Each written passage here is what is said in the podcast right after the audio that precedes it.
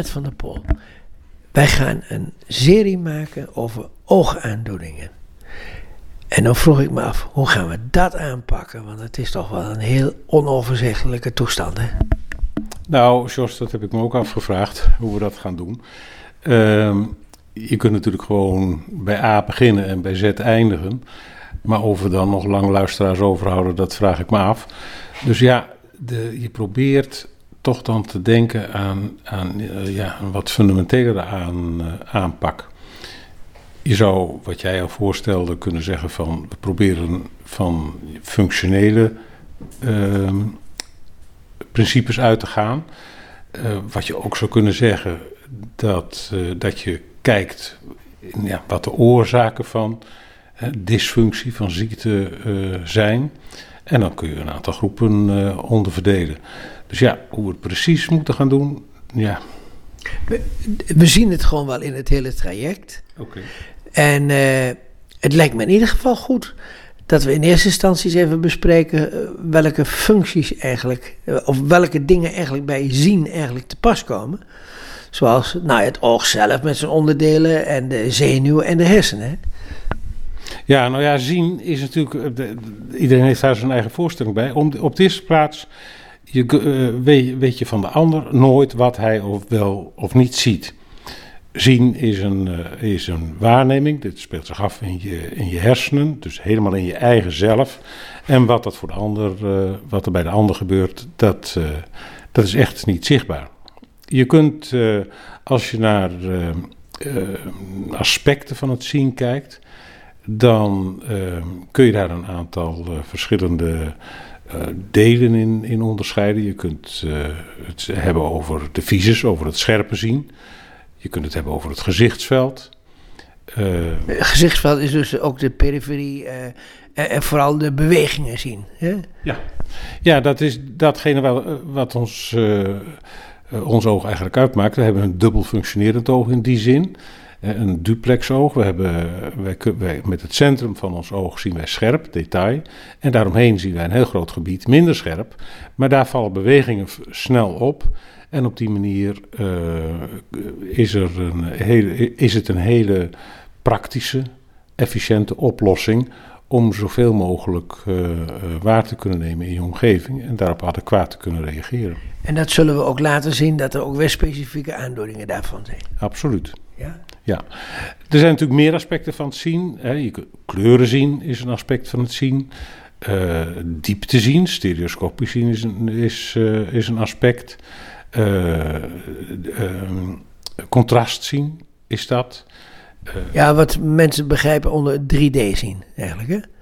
Stereo, stereo, ja, stereo, zien, stereo zien is wat mensen verstaan onder 3D zien. Okay. En wat je vroeger deed met, uh, met de Viewmaster. Ja. En tegenwoordig met de rood-groen brilletjes voor bepaalde televisieprogramma's en films. Ja. Dat, is, dat is 3D. Um, daarvoor heb je in principe twee ogen nodig. Uh, en als er dus één oog niet goed functioneert, dan komt het 3D zien in, uh, wat in problemen. Nou, dat heb je gewoon niet. Uh, nee, als je één oog uitschakelt, heb je het niet. Nee. Dat is voor, voor, maar we hebben het daar al eens eerder over gehad. Het is voor boombewoners is dat natuurlijk een heel plezierig uh, eigenschap. Omdat 3D, uh, 3D zien, maakt het mogelijk om een ruimtelijke situatie die je nog niet ervaren hebt, om die van tevoren te kunnen inschatten. En als jij van... Oftewel, een aap overleeft het niet als je één oog mist. Precies, dan dondert hij wel naar beneden. Ja. Ja. Ja, precies. En, maar dit, dit is dus het, het aspect. Dus oog, er zit een hoornvlies aan enzovoort. Ik zal allemaal nog wel behandelen. Uh, dan hebben we natuurlijk uh, de zenuw en de hersenen. Ja, daar gebeurt het natuurlijk. He, dus dat, uh, de, de, het, het signaal, het lichtsignaal, wordt in het oog omgezet in een zenuwsignaal wordt naar boven geleid, hè, de hersenen in, gaat daar via een aantal schakelstations en een aantal banen en komt dan uiteindelijk terecht in de, het achterste deel van de hersenen, dus echt letterlijk onder, de, de onder je, de, de, de schedel van je achterhoofd. En daar vindt de waarneming plaats. Er zijn nog een aantal andere hersengebieden die daarbij ook nog een rol spelen. Maar daar gebeurt het uiteindelijk. Daar neem je waar. Wat weet men daar eigenlijk op het ogenblik al van? Nou ja, er komt steeds meer komt er naar voren toe. We hebben die functionele MRI, die uh, tegenwoordig vaak ingezet wordt. En daarmee kunnen we... Zeg maar even wat het is. Uh, MRI, dat is een vorm, een afbeeldingsmanier. Een techniek om afbeeldingen te maken van de binnenkant uh, van, van het lijf. En met name ook van het hoofd. En je kunt daar bepaalde hersengebieden, kun je daarmee ehm, onderscheiden van andere hersengebieden. En dan kun je zien wat er gebeurt als jij prikkels aanbiedt.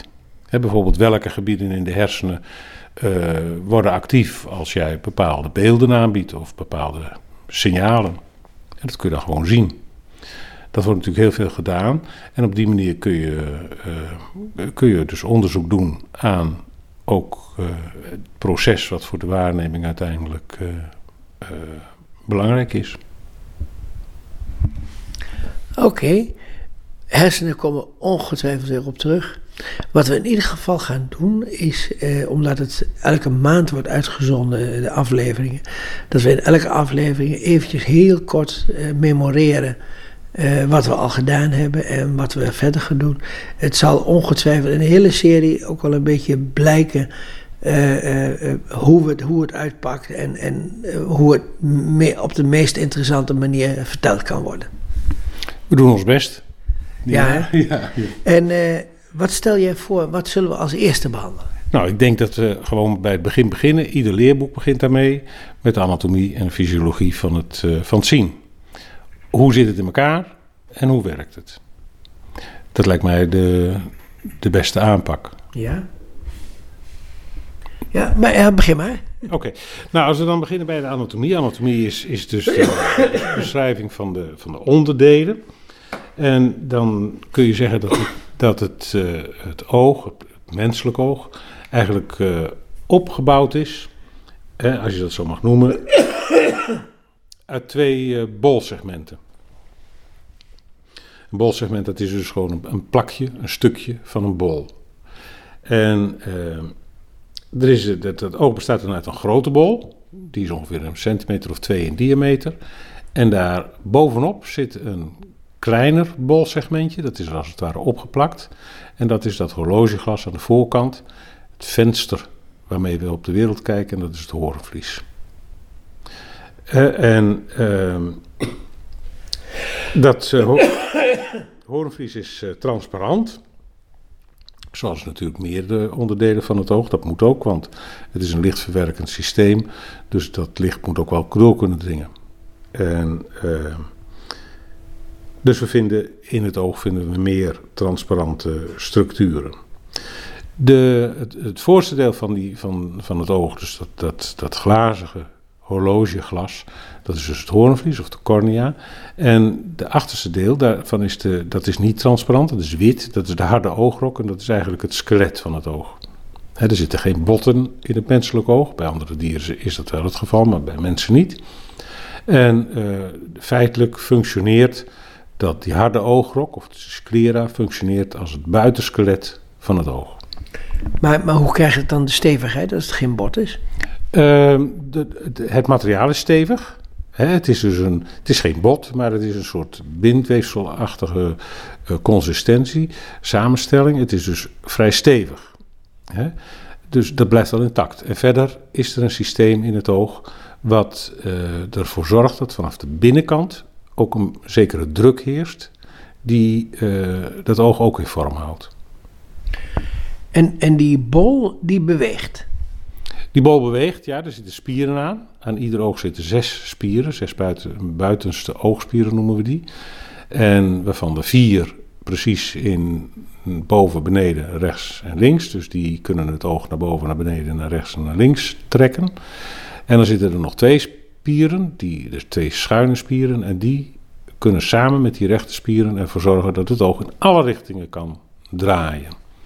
En dan helemaal mooi, maar daar heb je dus een, wel een behoorlijk uh, behoorlijke stuurcapaciteit van de hersenen voor nodig, is dat die ogen dat ook nog helemaal keurig, eh, keurig in, in cadans doen, samen. heel harmonisch. Onze ogen bewegen keurig, allebei naar links, allebei naar rechts, en dat in precies dezelfde mate. Dat. Uh, meestal. Meestal ja, natuurlijk. Als het, als het, uh, ook daar kunnen stoornissen in optreden. Maar dat is een normale situatie en ehm, dat betekent dus dat we ook altijd een enkel beeld houden. Kijk, als, als één oog zijn eigen uh, weg gaat, ja, dan krijg je dubbelbeelden. Dan, dan krijg je dus twee beelden binnen die, die onze hersenen niet meer over elkaar heen kunnen plaatsen. En dan ga je dus dubbel zien. Maar is dat dan een probleem van het oog, constructie, of is het een probleem van de hersenen? Ja. dan komen we meteen op de hersenen trouwens. Ja, ja, ja. Nou ja, ik zei net al, je hebt om, om dat, die, die, die oogbewegingen aan te sturen en goed aan te sturen, heb je een behoorlijke rekencapaciteit nodig. En uh, dat eist dus nogal wat van hersencapaciteit.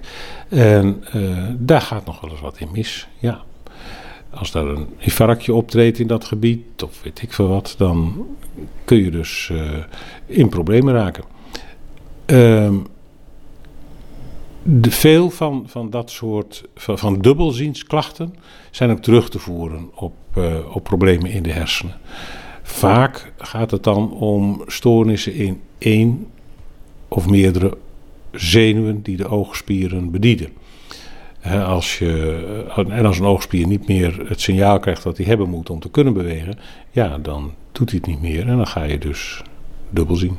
Ik wil je misschien even een voorbeeldje van mijzelf nog even geven. Ik, ben, ik, ben, ik was op een gegeven moment, want ik heb een goed oog en een minder goed oog. En eh, in het goede oog ben ik een keer geopereerd en dan moest ik door het mindere oog moest ik kijken. En na een tijdje uh, uh, zou ik erop zweren dat ik door het goede oog keek. De, de, dat je, dus ik, ik keek met het mindere oog. Ja, en het maar andere zou, oog was... Maar, maar, ik zou zweren dat ik namelijk met het goede oog keek. Ja, dat moet een hogere functie zijn in, in, hersenen, je hersenen. Ja. absoluut. Maar, tenminste, ik neem aan dat het, het, het oog waarin je geopereerd was afgedekt was. Dat was afgedekt, ja. Ja, dus dan kon je alleen maar kijken met het minder goedziende oog. Het oorspronkelijk minder goedziende ja, oog. Ja, wat normaal niet... Ja. niet uh, nee, nee, nee, nee. Ja, dat, dat doe je toch uh, intern in je, in je brein. Dus misschien dat je dan toch wat efficiënter uh, ermee leert kijken op dat niveau. Ja. Nou, dat zijn dus de, in ieder geval grof gezegd zijn dat gewoon de elementen uh, waar we het in ieder geval over hebben bij de oogaandoeningen. Want aan al die elementen kan iets schelen. Ja. ja? En uh, zijn er ook nog systemen in het lichaam die invloed hebben op de ogen. Of anderzijds dat de ogen invloed hebben op andere systemen, zoals bijvoorbeeld een, een, een stabiliteit bijvoorbeeld. De stabiliteit is uh, ja, nauwelijks direct te, terug te voeren op het oog. Waar je op doelt, dat zijn mensen die duizelig uh, worden, neem ik aan. Ja. En, uh, maar dat is eigenlijk altijd terug te voeren op het ehm, evenwichtsorgaan. En dat evenwichtsorgaan op zijn beurt heeft wel degelijk weer invloed op de oogbewegingen. Dat wel. Maar het is dus. Maar, maar niet andersom. Ik, want ik dacht namelijk dat in het oog ook een receptor zat uh, voor uh, het evenwichtsorgaan. Nee. Nee, nee, nee, nee. Oh, dat, dat, is, niet nee dat is niet zo. Ze, zijn, ze, ze praten wel met elkaar, zal ik maar zeggen, die systemen. Maar niet zodanig dat het oog eigenlijk een oorzaak is, kan zijn voor, uh, voor evenwichtstoornissen. Dat is niet zo. Oké, okay. en welke zijn andere functies uh, vanuit, het, vanuit het lichaam die invloed hebben op de ogen of andersom? Het belangrijkste is het immuunsysteem. Immuun, er zijn nogal wat aandoeningen, systeemaandoeningen noemen ze dat, waarbij er het immuunsysteem dingen doet die het eigenlijk niet hoort te doen. Antilichamen maakt tegen, hè, dus antistoffen tegen eigen weefsel. En dat kan overal in het lichaam, kan dat uh, bepaalde gevolgen hebben, ook in het oog. Er zijn nogal wat oogaandoeningen die daardoor veroorzaakt worden. En dat zijn dan oogaandoeningen die je tegenkomt in het kader van grotere ziektes, grotere immuun, auto-immuunziektes noemen ze dat. Zoals uh, reuma of de ziekte van Bechterew. Dat, soort, uh, dat soort dingen. Verder is natuurlijk het... Maar, maar wat voor invloed heeft dat op de ogen? Uh, chronische ontstekingen. En hele gemene ontstekingen. Zo in de ogen? In de ogen, ja. En soms ook aan de buitenkant, maar met name ook in de ogen. Zijn er nog meer uh, nou ja, systemen die... Ja, een systeem wat natuurlijk ook uh, het oog hard nodig heeft, is, is ons uh, bloedvaten, bloedvatensysteem. Dus de circulatie, de bloedcirculatie. Daar kan natuurlijk ook al van alles in misgaan, wat ook gevolgen voor het oog kan hebben. Daarvan zijn de belangrijkste voorbeelden natuurlijk hoge bloeddruk en de vaatafwijkingen die je bij diabetes ziet bijvoorbeeld. Oké, okay. Waar gaan we de volgende keer mee beginnen? Nou, ik denk dat we nog even door moeten gaan met uh, de beschrijving van, van de anatomie, van de opbouw van het oog. Want eigenlijk zijn we uh, uh, gebleven bij de bolvorm, hè, of de dubbele bolvorm eigenlijk van het oog. Maar we hebben nog niet aan de binnenkant gekeken, dus dat moeten we eigenlijk nog even doen. Oké, okay, laten we dat doen en dan gaan we naar de volgende keer. Oké. Okay.